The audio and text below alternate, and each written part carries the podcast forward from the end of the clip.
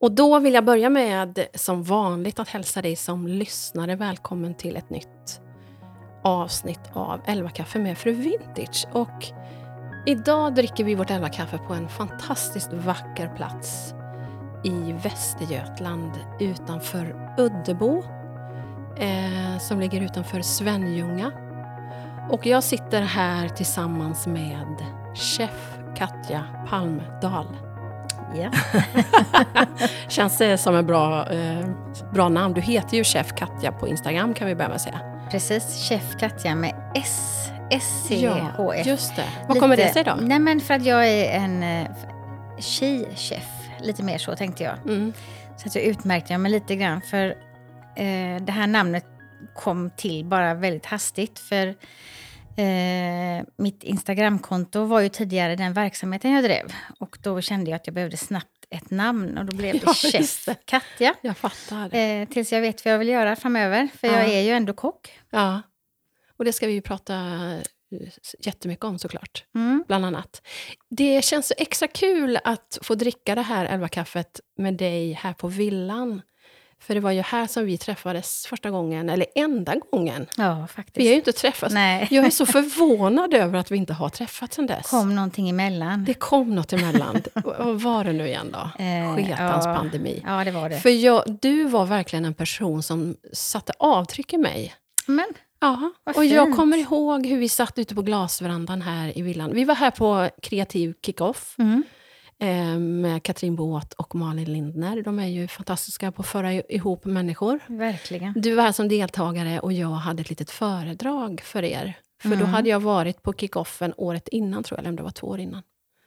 Men i alla fall, då... ehm, därför, men som sagt, det var ju pandemin mycket, men, men jag kände där och då att den här kvinnan vill jag träffa mer, för du gjorde, du gjorde ett starkt intryck. Ja, men vad fint. Då Ja. var det nog detsamma, tänker jag. För jag blev väldigt berörd av eh, det du pratade om. Eh, ditt liv. Så att, eh, din resa som har varit. Så det var fantastiska dagar vi hade. Ja, det var det verkligen. Mm. Och då hade jag ju ett föredrag med namn med rubriken typ någonting lever du det liv du själv har valt. Just det. Det var lite grann så. Bra eh, tankeställare tyckte jag. Eller hur? Mm. Och den tanken är bra att ställa sig eh, ofta. Mm. Lever jag det livet här och nu som jag Mm. vill leva? Och du är ju verkligen i en... Eller ni, din man och du, är ju verkligen i en ny i en brytpunkt på något sätt. Ja, men det är vi. Eh, vi har jobbat eh, stenhårt, skulle jag vilja säga, i sex år. Vi har drivit tre företag eh, delvis parallellt. Eh, och älskat det. Vi har drivit restaurangverksamheter. Vi har de- dels en restaurang som heter Lilla Spinneriet i Lindome. Eh, som vi sålde nu i september. Eh, sen hade vi även Botaniska trädgården under den tiden, i tre år. En restaurangcafé som hette Any Day. För det var öppet varje dag Oj. under året, förutom julafton. Och sen eh, gjorde vi samtidigt eh, frukostar för eh, bra flyg. Eh, och de eh, var eh, ekologiska och närproducerade från Västra Götalands län. Oj, oj, oj. För det var så när, när Malmö Aviation gick över till bra flyg så ville de ha lokalproducerade måltider ombord. Och då fick vi det ett uppdrag som vi först tackade nej till faktiskt för mycket logistik och vi hade inte jobbat med flyg egentligen innan. Men så kände jag, ja, vi är ju såna, vi älskar utmaningar så att eh, till slut tackade vi ja eh, sydde ihop, tyckte jag, kanonfrukostar, 800 varje morgon. Men wow! så vi stod helt, som helt galna. Alltså innan vi hittade sådana som kunde producera våra till exempel müsli och sådär så, så stod vi och packade 815 grams müsli varje kväll. och vi kokade sylt till yoghurten och vi gjorde... Oj, hjälp! Ja, så det var fantastiskt. Eh, sen valde de tyvärr att ta bort det på bra flyg och gå tillbaka till konventionell då, men eh, det var fantastiskt roligt så länge vi gjorde det. Ja, vilken grej. Mm. Men din man Patrik, är han också kock? Jajamensan. Så vi har jobbat ihop i många, många år. Det är min bästa arbetskamrat faktiskt. Vad underbart. Men så för att komma tillbaka då till den rutan att vi just nu lever det liv vi vill så är det för att vi är i en fas i livet där våra killar är vuxna och vi känner att vi kanske skulle vilja leva och jobba på samma plats nu. Alltså när man har barn och sådär så vill man ju kanske ha ett jobb vid sidan och så hemma är man hemma. Men nu känner jag att nu skulle jag vilja hitta på någonting som, där jag kan bo och leva, där det blir verkligen mitt liv. För det, när man jobbar med mat och service så är det ju ändå, det kan ju bli en livsstil. Och för mig känner jag att oh, jag vill gärna ha det så och rå om gästen länge. Liksom. Ja. Hur gamla är era barn? 23 och 19. Mm. Och hur många år har ni jobbat ihop, Patrik och du? Mm, ja, men vi har varit gifta i 25 år.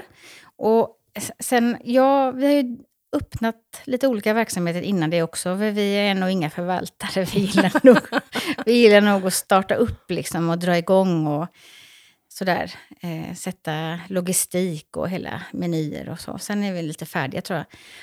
Men så vi har ju jobbat ihop i många år egentligen. Fast han kanske var anställd någon annanstans och så har han haft hand om ekonomin. Eller ibland har vi haft ställen tillsammans. Så. Men många år. Och hur träffades ni? Vi träffades på en restaurang faktiskt. Ja, ni gjorde det? I jobbet eller? En, ja, vi träffades på en restaurang i Göteborg som heter Babar. Då hade jag precis tävlat i en sån parmatlagningstävling med Jonas Dahlbom. Så hade vi vunnit den, så vi var, hade varit uppe och festat till det lite. Och då var Patrik där uppe. Han hade precis stigit av en sån här lyxkryssare han hade jobbat som kock på. Så han hade bara varit hemma i Sverige en dag. Ja, ja. så blev det så. Wow, Ja. meant to be. Ja, så var det. Ja. Fast då var inte jag i och för sig redo att träffa en man. Jag, då var jag 27 år och hade det jättebra i yrkeslivet. Jag tävlade mycket i mat. Eh, bodde med min lilla hund och bara kände att nej, jag eh, har det rätt gott själv. Liksom. Men han var enträgen, så att eh, enträgen vinner. Underbart. Underbart. Jag läste, det var någon, nu när jag skulle läsa på lite grann om dig inför det här 11 kaffet så var det någon rubrik som svischade förbi där det stod Katja Palmdahl, Göteborgs flitigaste kvinnliga kock. Va? Mm. Det var något eh, i Svenska Dagbladet 2014, så det är ganska många år sedan. Och i Svenska Dagbladet? Ja, Ja, då får du omnämnd veta. där. Det får du väl Ja, det var det Det värsta. du. Nej, inte en aning. Nej, vad, Det var roligt. roligt. Ja. Men, men då, då eh, kommer ju min fråga då. Hur började ditt eh, yrke som kock? Alltså hur hamnade du i den här banan? Eh, alltså jag var eh, eh, ganska ung när jag flyttade hemifrån. Jag var 16 år och eh, gick ut precis i nian då. Och du vet när man är så här, man vet inte vad ska jag bli, vad ska jag göra? Och jag hade egentligen ingen rådfråga heller. Och då tänkte jag någonstans så där att ja, men jag kanske ska bli dietist, tänkte jag. vet, jag vet inte ens var det kom ifrån. Ehm, och då väljer man ju restauranglinjen, helt Ja. enkelt, restaurangskolan. Så då började jag där och på den tiden fanns det inte någon skillnad på vuxen restaurangskola och, och ungdom. Utan jag kom i en klass där jag var yngst faktiskt. Var jag och en tjej till tror jag som var direkt från gymnasiet, eller från grundskolan. Och sen var det eh, människor upp till 40 år och från Oj. olika kulturer och sådär. Ah. Så att först gick jag nog hem och grät tror jag. Och sen bara kände jag, gud hur bra var inte detta liksom. Fantastiskt. Vilken... eh, Ja, så Mix. när man var så där ung och du vet, och vi, många av de här äldre, vet man kom ut på roliga nattklubbar och det var liksom, du vet, de hade ju också erfarenhet inom yrket fast från andra länder, så de hade ju massa god kunskap redan med sig. Så att det var helt fantastiskt roligt. Eh, och eh, så kom man ju på praktikplatser och så. Och då kände jag att restaurang var väldigt roligt.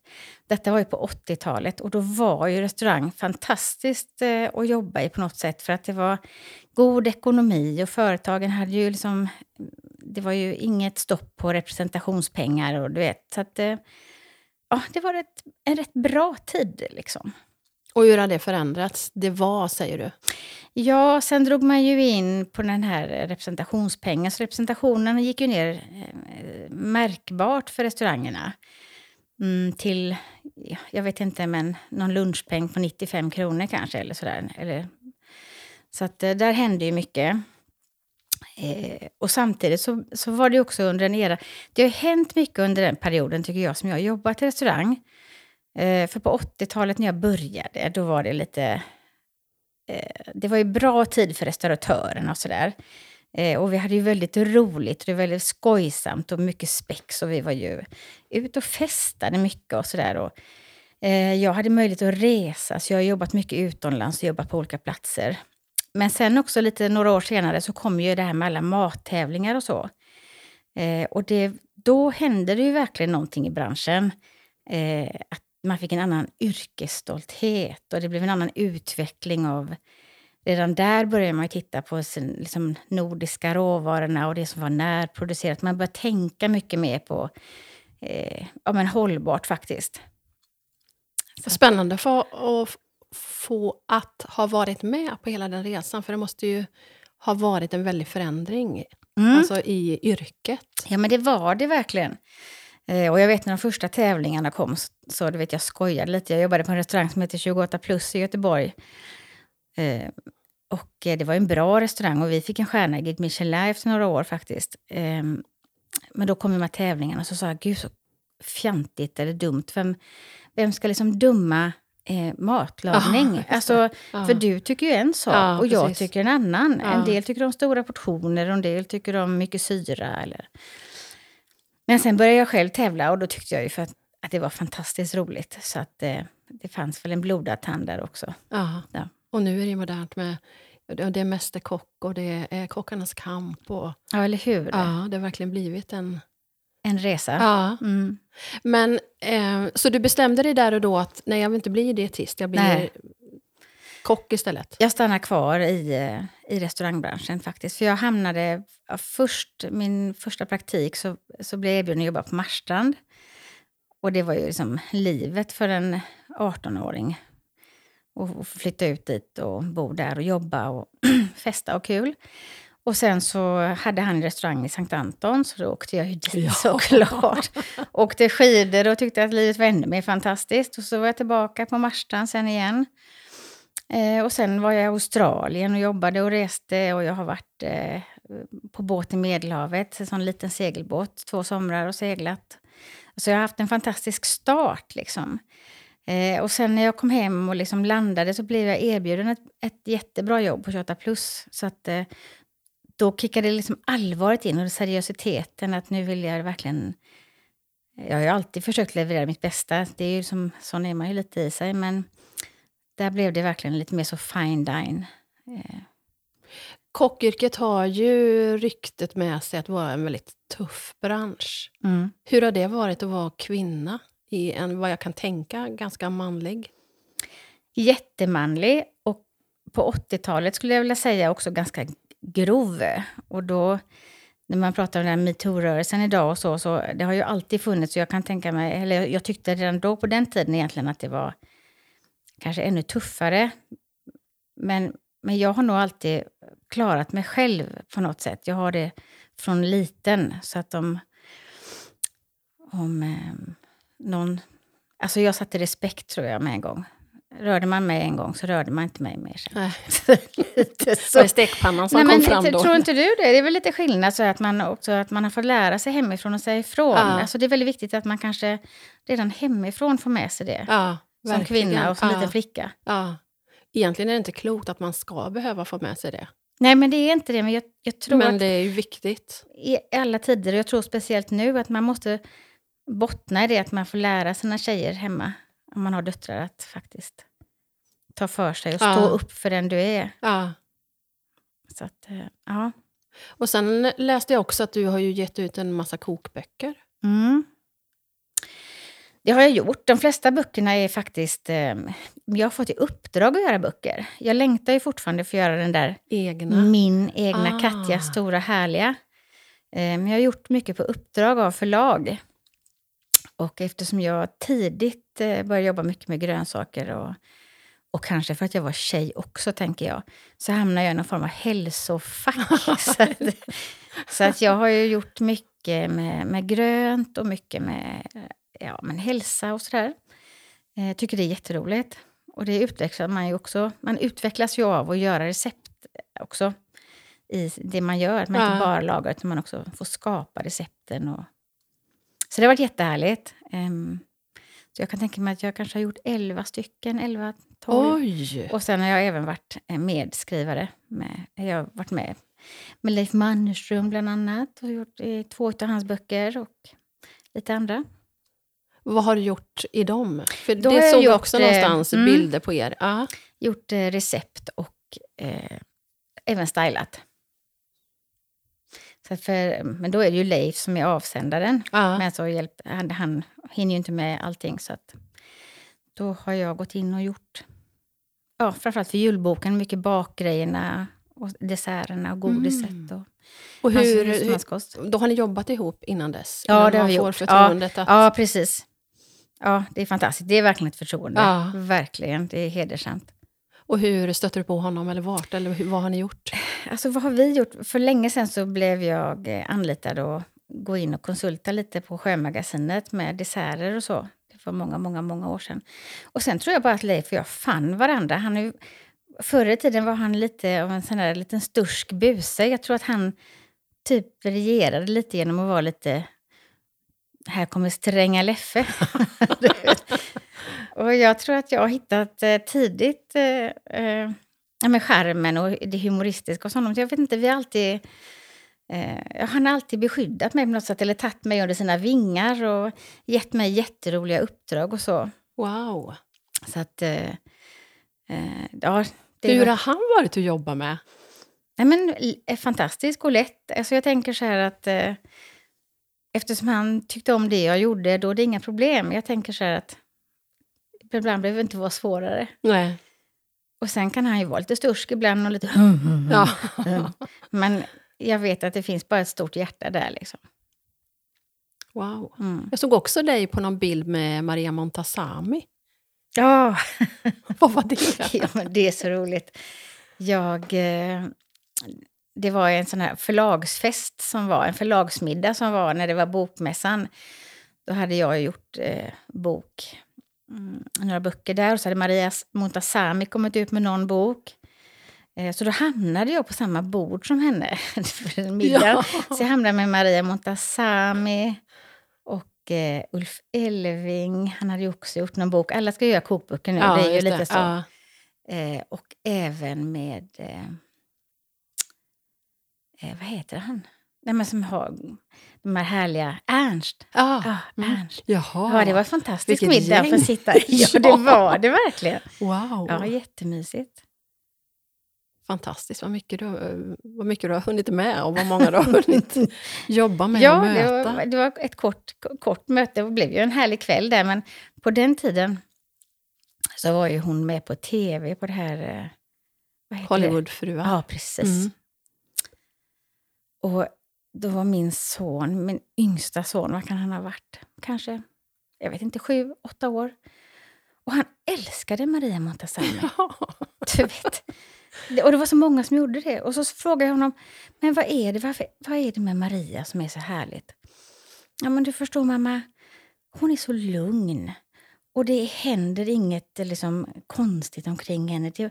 Så han uppfann bara henne som ro och stilla och där vill man vara. Nej, men, Och jag tänkte så här, det är en ganska skön tanke bland en ung människa som i Verkligen. telefoner och allt. Ja. Han tyckte bara att hon var lugnet och kärlek och härlig. ja.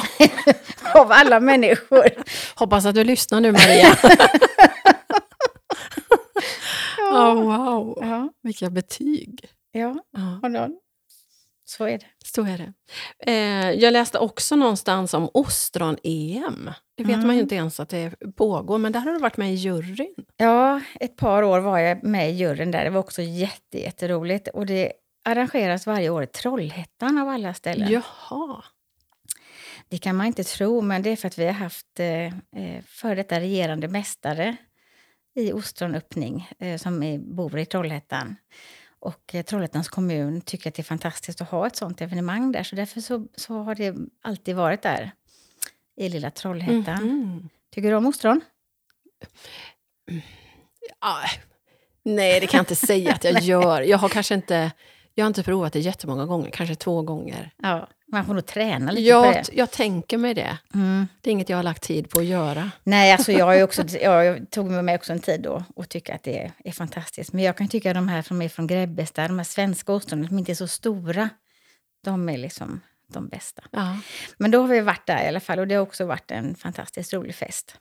Är det något som fortsätter? Ja, det är ju varje år, men nu har inte jag varit jury de sista åren. Nej. Nej. Men eh, det är alltid roligt att få vara med. Mm. Som sagt, många olika saker. Då har du hunnit jobba som kock i hur många år? Gud. Ja, nu ska vi se. Ja, men det måste ju vara typ eh, eh, 16, 26, 36, 46, 56, 40 år. Jag Fast- säga, är du ens 40 år? Men det är klart att du är. Eh, 40 år. Men, Oj. men jag, var ju fri, jag har ju varit frilans i många år. När, när mina barn var små så frilansade jag mycket. Det var då jag gjorde de flesta böckerna och det var då jag jobbade jag mycket med reklam. Eh, mycket med matföretag, gjorde receptur. Och jag har även jobbat med skolkök och varit inne och eh, ja, men försökt eh, inspirera. Lite åldringskök eh, kök också. Mm. För maten är ju oerhört viktig. Speciellt kan jag tycka för småttingar och gamlingar. Ja, eller hur? Som, ja, där den påverkar på olika sätt. Ja, verkligen. För så är det med måltiden, att det är någonting som inte lämnar en oberörd, förutom en, en lunch som folk stressar i sig. Ja. Men annars tycker jag att måltiden är väldigt viktig. Ja, verkligen. Mm. Och inte minst idag, tror jag. Det Ex- viktigare och viktigare? Ja. Vi har ju alltid, alltid, fast att vi har jobbat i restaurang och liksom lagat mat, har vi alltid lagat middag hemma. Och alltid samlats med våra två killar. Och tycker att det är liksom varit den viktigaste stunden på dagen. För att det är den lilla korta stunden vi sitter Ja. ner och alla får säga hur man mår och hur har dagen varit. Mm. Du vet. Och Mm. det blir ändå en härlig stund. Och så vet man att, man, att de får i sig rätt bränsle. Och, Ja, det. för det är faktiskt väldigt viktigt. Ja, ja. Och vi har ju haft alltid lite så här öppet eh, kök hemma. Eh, för pojkarnas vänner. Är det några hemma så är de alltid välkomna att äta. Och då, och då förstår man eh, att det är många som inte lagar middag hemma. ja. Brukar ni äta middag? ja. Ja, Jätteviktigt. ja eller hur? Ja, verkligen. Lika viktigt som elva kaffe. Nästintill. Nej men verkligen. Ja. Verkligen. Och det, vi har alltid haft den, eh, ända sen, eller vi bestämde det när barnen var små, att måltiden ska alltid vara något positivt. Mm, exakt. Just det här att det, måltiden när man har småbarn eller när barnen växer upp blir så lätt uppfostringstillfället. Mm. Det är då man ska lära sig att sitta fint och smaka av allt. Och, men nej, det är inte det viktiga. Utan det viktiga är ju att man sitter ner tillsammans. Mm. Och som du var inne på, få den här stunden tillsammans. Och det har vi varit noga med från början. Att inte ta det som uppfostringstillfälle. De Nej. lär sig ändå. Exakt. Våra barn äter inte med händerna idag, eh, Nej. som de gjorde när de... Alltså, det löser sig. Ja. Utan det viktiga är ju den här stunden, att få sitta ner som Så familj. Och, och den, det är ju lika viktigt idag när barnen är vuxna. Mm. Oh, oh ja. Oh ja. Ja, Nästan ännu viktigare. Ja. För jag tror att många unga människor idag faktiskt inte känner att de har blir lyssnade på. De får inte tid. Det ingen, finns ingen tid. nej, Liksom. nej. Det kan jag känna inom restaurang. Sista åren jag jobbat. Just mötet med människorna. Eh, även fast det bara är på en restaurang. Att den är så betydelsefull för dem. Att man ser dem och att man bekräftar. Mm. För att vi är ett så stressat samhälle. Ja, ja. Så därför så är den där hemmamiddagen, om det finns möjlighet, tror jag, ja, så tror jag man har mycket att, att vinna som en familj. Alltså så härlig stund. ja, men verkligen. Och det har väl ändå varit en del i det positiva med pandemin. Ja, Att familjer faktiskt har tvingats att umgås. ja faktiskt. Ja, att man har varit mycket mer hemma och man har haft tid på ett annat sätt Mm. för varandra. Man får ju hoppas att vi inte bara drar igång nu när vi förhoppningsvis är på väg ur den här, de här åren. Nej. Att faktiskt bevara det som har varit. Ja, det positivt. hoppas man Ja. ju. För man kan ju ibland dra en parallell också. Vad, är det viktigare att, att man går och gör en träning på en timme och slänger i sig en gorbis? Eller är det faktiskt kanske viktigare att man får sitta ner med familjen och sen Ja. går man ut och tar en promenad Ja. eller man gör någonting annat? Jag tror det man, i det långa loppet. Liksom. Så att, men sen har det varit jätteroligt när vi har haft alla de här små, andra små killarna som har varit på besök. Det blir väldigt roliga middagar när man har eh, många små barn hemma. måste jag säga. Ja, det tror jag. Många Gillar dina, era killar att laga mat? Eh, inte minstingen då. Jag vet inte vad som händer med den nummer två. Det känns som att det är samma hos alla. inte så, de, de yngsta Ja. blir små bebisar. ja. Men min stora kille som är 23 och jag är väldigt glad, han eh, håller på att utbilda sig till kustbevakare nu. Och han har ju också, jag blir så glad för han köper, han har bott i Karlskrona, han köper ekologisk mat och han lagar mat och han gör sina lunchlådor. Då bara känner jag så här, wow, har jag liksom gett honom Ah. detta? Det är helt galet. Ja, fantastiskt. Ja. Jag läste på tal om dem ehm, ett så fint inlägg nu när jag scrollade lite grann på ditt chef Katja. Eh, som du har skrivit på mors dag förra året. Ja. Kommer du ihåg det? ja, jag kommer ihåg att jag skrev, jag kommer inte ihåg vad jag skrev. Du skriver så här, mors dag. Fasiken inte helt självklart att fira faktiskt. Relationen med sin mamma kan vara otroligt komplicerad på olika vis. Med lite av detta i bagaget uppskattar man tryggheten och kärleken med sin familj om möjligt ännu mer. Nu har jag precis landat hemma och fått mysa en stund med en av dessa killar, en gång små söta troll. En ynnest är det att få vara mamma till dessa två helt fantastiska killar. Deras hjärtan är så enormt stora och varma. Alltid överseende att deras mamma jobbar varje mors dag och alla andra stora helger. Och alltid lika välkomnande när man kommer hem igen. Och ni vet den där kramen. De här killarna har alltid en björnkram till hands. Ni vet en riktig kram, varm, stark och hjärtlig. Och gisses vad jag älskar dem. Det är så Ja, men nu fint. vill jag nästan Så jag vill gråta. också Ja, men gråta. du vet. Viktor till vänster är nu 23 år och utbildar sig till kustbevakare. Mattias, 19 år, imorgon tar studenten på fredag och har livet framför sig som en öppen bok. Klart man är stolt. Ja. Men väl hemma och mys med en av grabbarna ska väl en av grannarna... Ja, det, det var någon som störde där då. Men, men det som tog tag i mig var dels hur du beskriver dina barn såklart, men Ja. också att det har varit ett pris. ja. Har det varit värt priset? Du jag skriver att... gråta. Usch, jag blir så rörd. Otroligt fint skrivet. Ja, nej men alltså... Jag ska bara samla mig lite här. Mm. Det, alltså man kan ju jobba jättemycket, för det har jag gjort. Och helger och så. Men jag tror ändå att när man gör det så blir närvaron så mycket starkare. Mm. Och det upplever jag. Och så därför tänker jag, även om inte jag har varit hemma varje helg eller du vet sådär, så har vi så otroligt stark närvaro när vi ses. Mm. Gud, vad gråtig. Ja, men det förstår jag. Det skrivet. var jättefint skrivet. Ja, Ja, fantastiskt fint. och jag träffade ehm, en kvinna som heter Anna Rås som är, är faktiskt topp 50 bästa kvinnliga eh, kockar i världen. Wow. Hon har byggt upp en restaurang i Slovenien och eh, alltså även gjort hela infrastrukturen i den dalen. Helt fantastiskt. Men hon har ju också jobbat extremt mycket. Jag var på en föreläsning med henne. Alltså vi var bara några stycken som träffades och det var så fantastiskt för hon har två barn i samma ålder. Och hon säger att precis det som jag alltid har tyckt att hon har inget dåligt samvete för att de har alltid varit delaktiga och eh, för man delar också med sig av det man gör i sitt jobb på något sätt. Eh, och när de ses så ses de så starkt. Och när de reser bort en vecka eller när de är hemma tillsammans så är de, umgås de. Då sitter de inte med varsin telefon eller någon springer iväg och tränar. Du vet. Och så upplever jag nog att vi har haft. Jag tror att för jag har jobbat extremt mycket. Jag har jobbat kanske 60-70 timmar i veckan de sista Ah. åren. Eh, då... Eh, vad skulle jag säga? Nej, men då är man så mån om att ta tillvara på varje liten stund. Liksom. Varje Ja. minut är värd så mycket. Ja. Och sen är det så fantastiskt med barn. För jag kommer ihåg, en, jag var ju frilans som jag berättade när barnen var små. Och då hade jag ett, en, en, en verksamhet när, när Viktor blev, var upp till fem. Och där var han ju alltid med på lördagarna. Så stod han med en klutt deg, du vet. Och så hade jag öppet kök. Och så kom folk in och hej Viktor, du vet. Och han tyckte det var fantastiskt.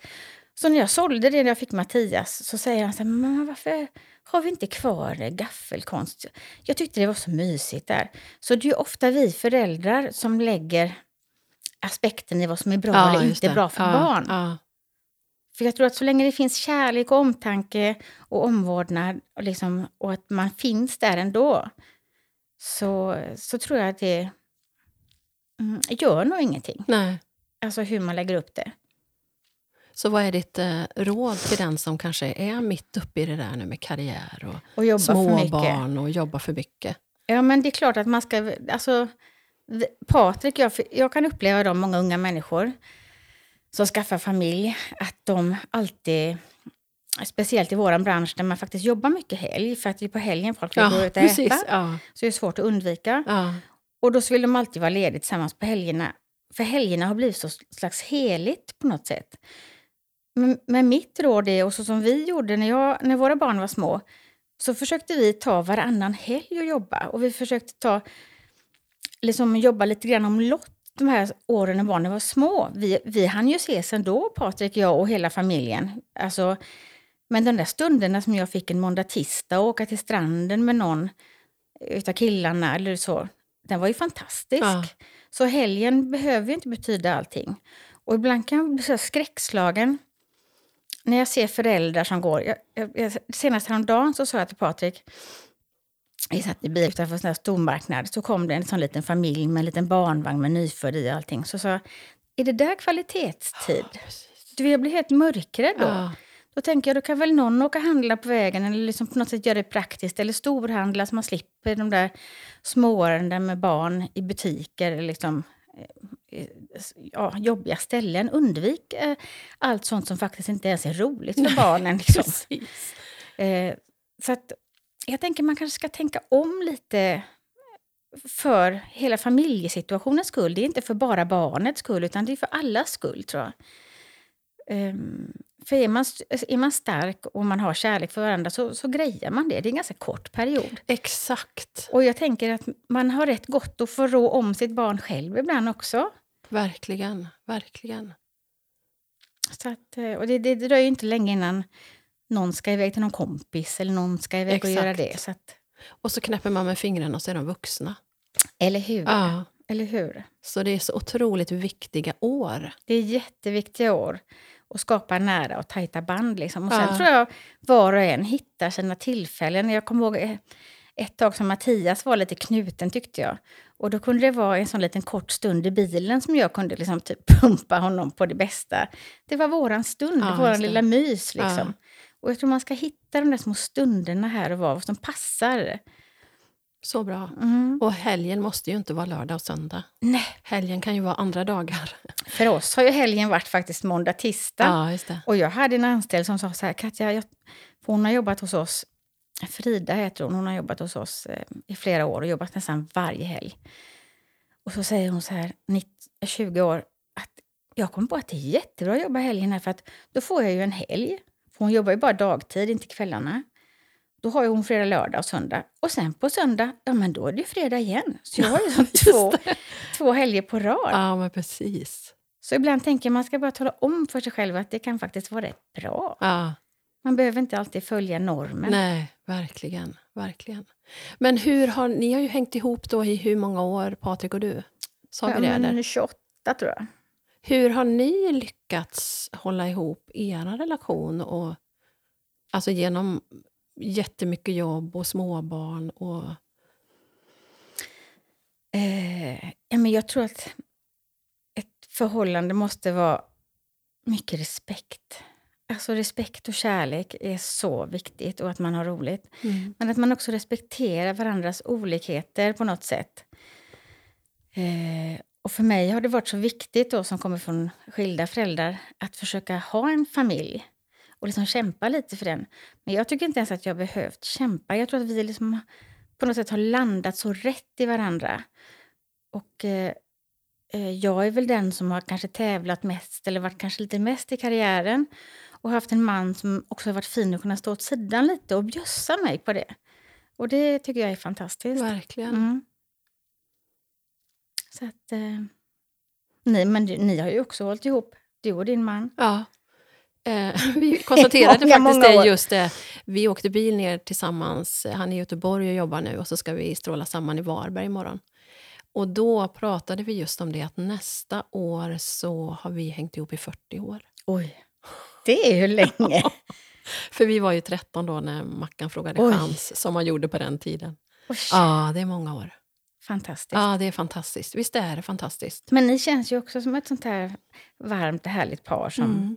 som funkar bra och jobbar ihop. Och, Ja, men verkligen. och det är många som frågar oss det. Hur, hur, hur, det verkar så härligt ni jobbar ihop och jag kan inte jobba ihop med min man. Men jag tror att där är vi väldigt olika som människor. Jag tror inte att det är givet att alla kan det heller. nej. Men framförallt, även om vi bägge två är, är kockar eller kallskänker och att man är så är vi bra på olika saker och så att vi kompletterar varandra. Och det tror jag är väldigt viktigt. Så att jag brukar vara mer kreativ och han är ekonomisk och eh, praktisk. Så att vi funkar så otroligt bra ihop. Och vi har roligt när vi jobbar. Eh, och har alltid haft.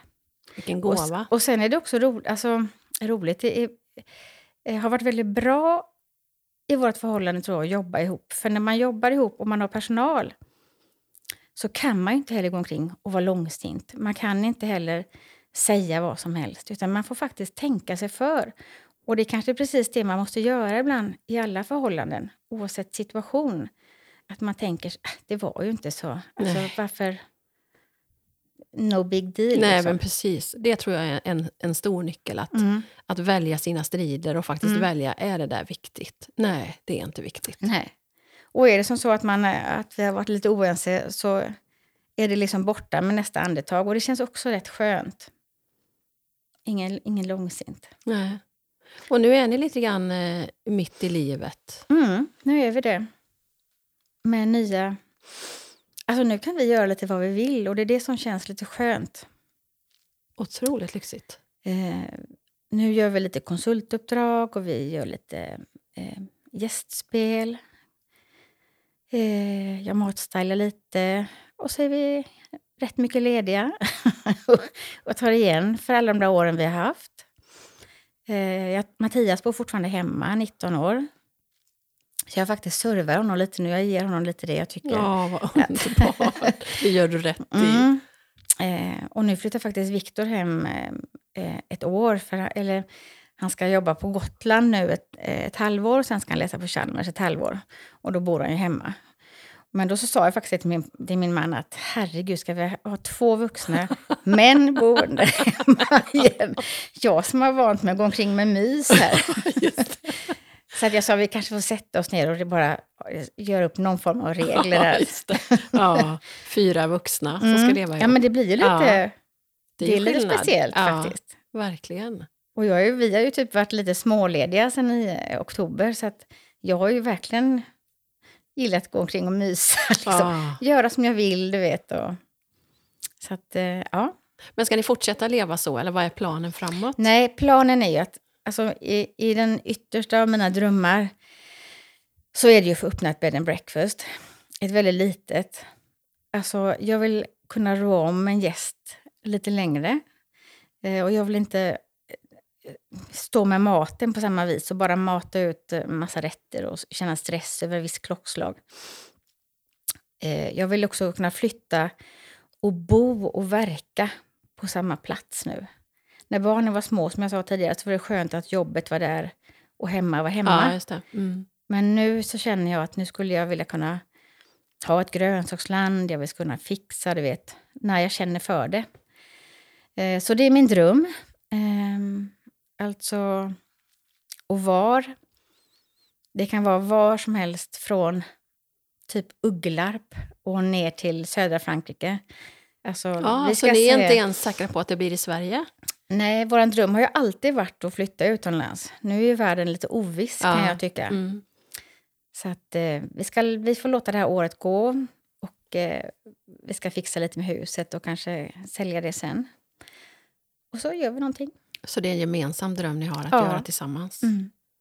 Men du vet, så har man varit lite sådär också som jag tror många är. Man skyller på massa annat. Nej, vi kan inte göra det nu för att eh, skolorna och det är det. Ja. Men det är så dumt. För Ja. det, alltså, det är nu och här. Det är nu och här vi har. Mm. Vi har, vet ingenting Nej. ens om imorgon. Nej, så är det. Ja. Så att... Ja, vi får se vad det blir. Vad spännande. Det Ja. känns, när du börjar berätta, som att du pratade om det redan då för två år sedan. När vi var Ja, här. men det kan det tror jag. stämma? Ja, eller? faktiskt. För Ja. Vi har alltid, alltid haft den drömmen. Så att, eh, och vi, vi visste ju att vi skulle... Men som jag sa, vi är inga förvaltare riktigt. Så vi visste ju att vi skulle inte vara kvar så länge där med den typen av verksamheten. För det är ingenting att åldras i riktigt. Och speciellt inte idag som det är svårt med personal. Ja. Och det, är, det är en tuff bransch, restaurang. Ja. Och då tänker jag att ett boende kan vara eh, lite härligare. Jag kanske har helt fel, inte en susning. Men alltså, jag, vet ju sig. inte, jag vet ju inte för jag provar. Nej, men. Men jag är inte rädd för att göra någonting för jag tror alltid på det jag gör. Annars är det ju ingen idé att göra det. Nej. Så jag tror att det kommer bli hur bra som helst. Så då är ni ute efter någon gård? Eller Exakt. Någon... Ja. Vad Exakt. spännande. ja.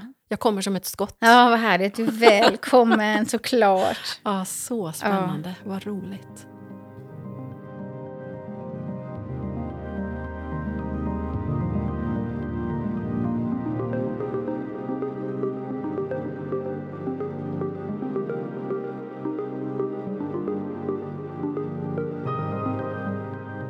Men det måste ju ändå vara eh, en väldigt stor vad ska jag säga, gåva som ni har det nu, att faktiskt kunna ta den här pausen och lite reflektera över hur man har levt sitt liv och vad vill vi göra framåt. Och...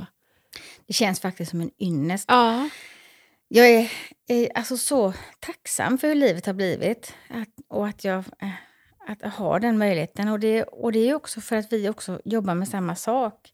Alltså vi är ju inte låsta i någon anst alltså, anställning eller på något sätt utan det vi gör är ju tillsammans och utifrån oss själva, ingenting annat. nej. Och outbildad som man egentligen är då med bara en restaurangutbildning på två år så känns det ju faktiskt fantastiskt att kunna... Ja, det känns, jag kan ju inte välja och vraka men på ett sätt så gör jag ju ändå det. Det får bara vara utifrån mina förutsättningar. Men, eh, men jag, jag känner ju att många... Jag, jag förstår ju det att många känner att de också skulle vilja ta eh, ändra riktning kanske. Ibland.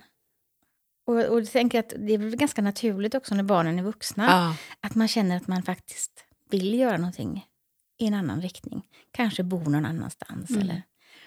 Det är ju en sak om man kanske bor på en gammal familjegård eller man har något specifikt, specifikt unikt. Men det, jag känner att vi bor i ett sånt där klassiskt villaområde. Du vet där barnen har vuxit upp bra och skolan nära och allting har varit tipptopp. Men nu är jag liksom så himla färdig med det. Så att, eh, ja, känns gott. ja, vad skönt. Vi pratade om det på lunchen, för vi är ju både du och jag på en co-working day här på Villa Strömsfors. Folk sitter i olika hörn och jobbar med sina olika saker. Mm. Eh, och så äter man tillsammans. Fantastiskt bra koncept. Och Mm. då pratade vi om det på lunchen, just att eh, vad viktigt det är att, att faktiskt ställa sig frågan om man lever det livet man själv vill. Och att vi har så många fler valmöjligheter än vad vi kanske vill erkänna ibland. Mm. Att det är så lätt att man bara dras med och lever som man ska, inom situationstecken. Eh, men hur viktigt det är och nyttigt att stanna upp och faktiskt fråga sig lite nu och då i livet. Hur lever jag? Vad, vad är det jag vill? Vad, vad är viktigt för mig? Mm. Vad är meningen med Ja. livet? Det måste ju ändå finnas en mening. Annars tror jag man tappar. Så det, så det som du höll föredrag om, om där och det livet så som du lever, det är så inspirerande för mig. Eh, de stegen du har tagit. Och just att man påminner varandra om det tror jag är Ja. jätteviktigt. Verkligen. Att, eh, vad är det jag vill och vad är det jag gör? Ja. Sen tror jag vi har en, en, en läskig... Eh, vi påverkar så varandra, eh, i människorna. Jag kommer ihåg, eh, där hemma där vi bor, så var det plötsligt så här att det blev som en skilsmässovåg. Eller det började med att någon... "Ah, jag är inte riktigt nöjd med mitt förhållande och bla bla bla. Och så, sit, så sitter de och pratar. Ah, nej, det är inte jag heller. Du vet. Och så sprider det sig som en löpeld. Så jag fick, och jag nästan kände att jag drogs in i det där också. Nej, har jag det verkligen bra? Så började jag ifrågasätta mig själv. Nej, men är han inte lite... Ska det verkligen vara så här? Eller, jaha, du vet.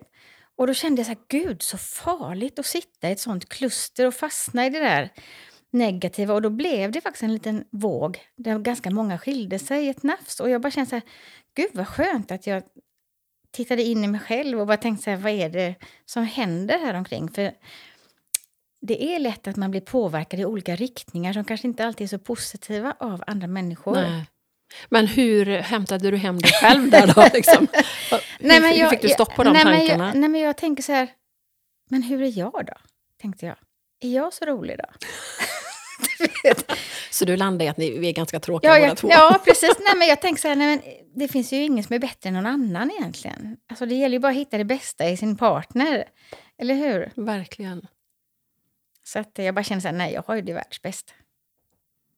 Men jag var ändå nere och, och nosade liksom på det där att kan det inte vara så ändå att jag kanske inte är så himla bra? Men var det någonting som du eh, tänkte själv eller konfronterade du också Patrik i det? Nej, men jag kände väl kanske då att Ja, man, men det blir ju ändå, alltså det här med energier känns ju, energier är ju väldigt starka tycker jag. Så på något sätt så spred jag väl en, en, någon orosmoln hemma. Ja, jag, jag gjorde nog någon form av... Sen är inte han så bra som jag tror att kanske många män inte lika... De läser inte av på samma sätt som vi gör. Vi läser ju av allting. Jag vet inte om det är för överlevnad eller vad det är. Ja. Men det, då blir det ju istället som att han blir lite frustrerad istället. Att han kan känna att det kanske är någonting Fast kan inte sätta fingret på det. Och inte heller konfronteras med det. Och sen bara tänkte jag, men herregud Katja, nu får du skärpa till dig. För det, ja, men så är det ju. Livet är ju upp och ner och en berg och dalbana. Och man kan alltid hitta fel och alltid hitta rätt. Men jag tror att eh, eh, man ska ta en dag i sänder och ett djupt andetag. Och nog vara tacksam för mycket man har. Ja, verkligen. Det tror jag är en stor Stor sanning. Ja, men verkligen att vara tacksam. Mm. Ja, men faktiskt. Ja. Det. det tycker jag var ett väldigt bra ord att avsluta det här lilla elvakaffet med. Eh, tacksamhet. Ja. Och tack för att du sa ja. Ja, men tack för att du ville ha mig. Jätte, jättefint. Som gäst. Jag tänker att vi, det blir en del två framöver. Då kommer jag med mina mickar till ert nya ställe och så... Oh. så får vi se vad som, vad som händer. Framåt. Ja, men precis. Jättespännande. Ja. Tack snälla. Mm, du är välkommen. Ja, tack så mycket. Mm. Tack till dig som har lyssnat. Hej då.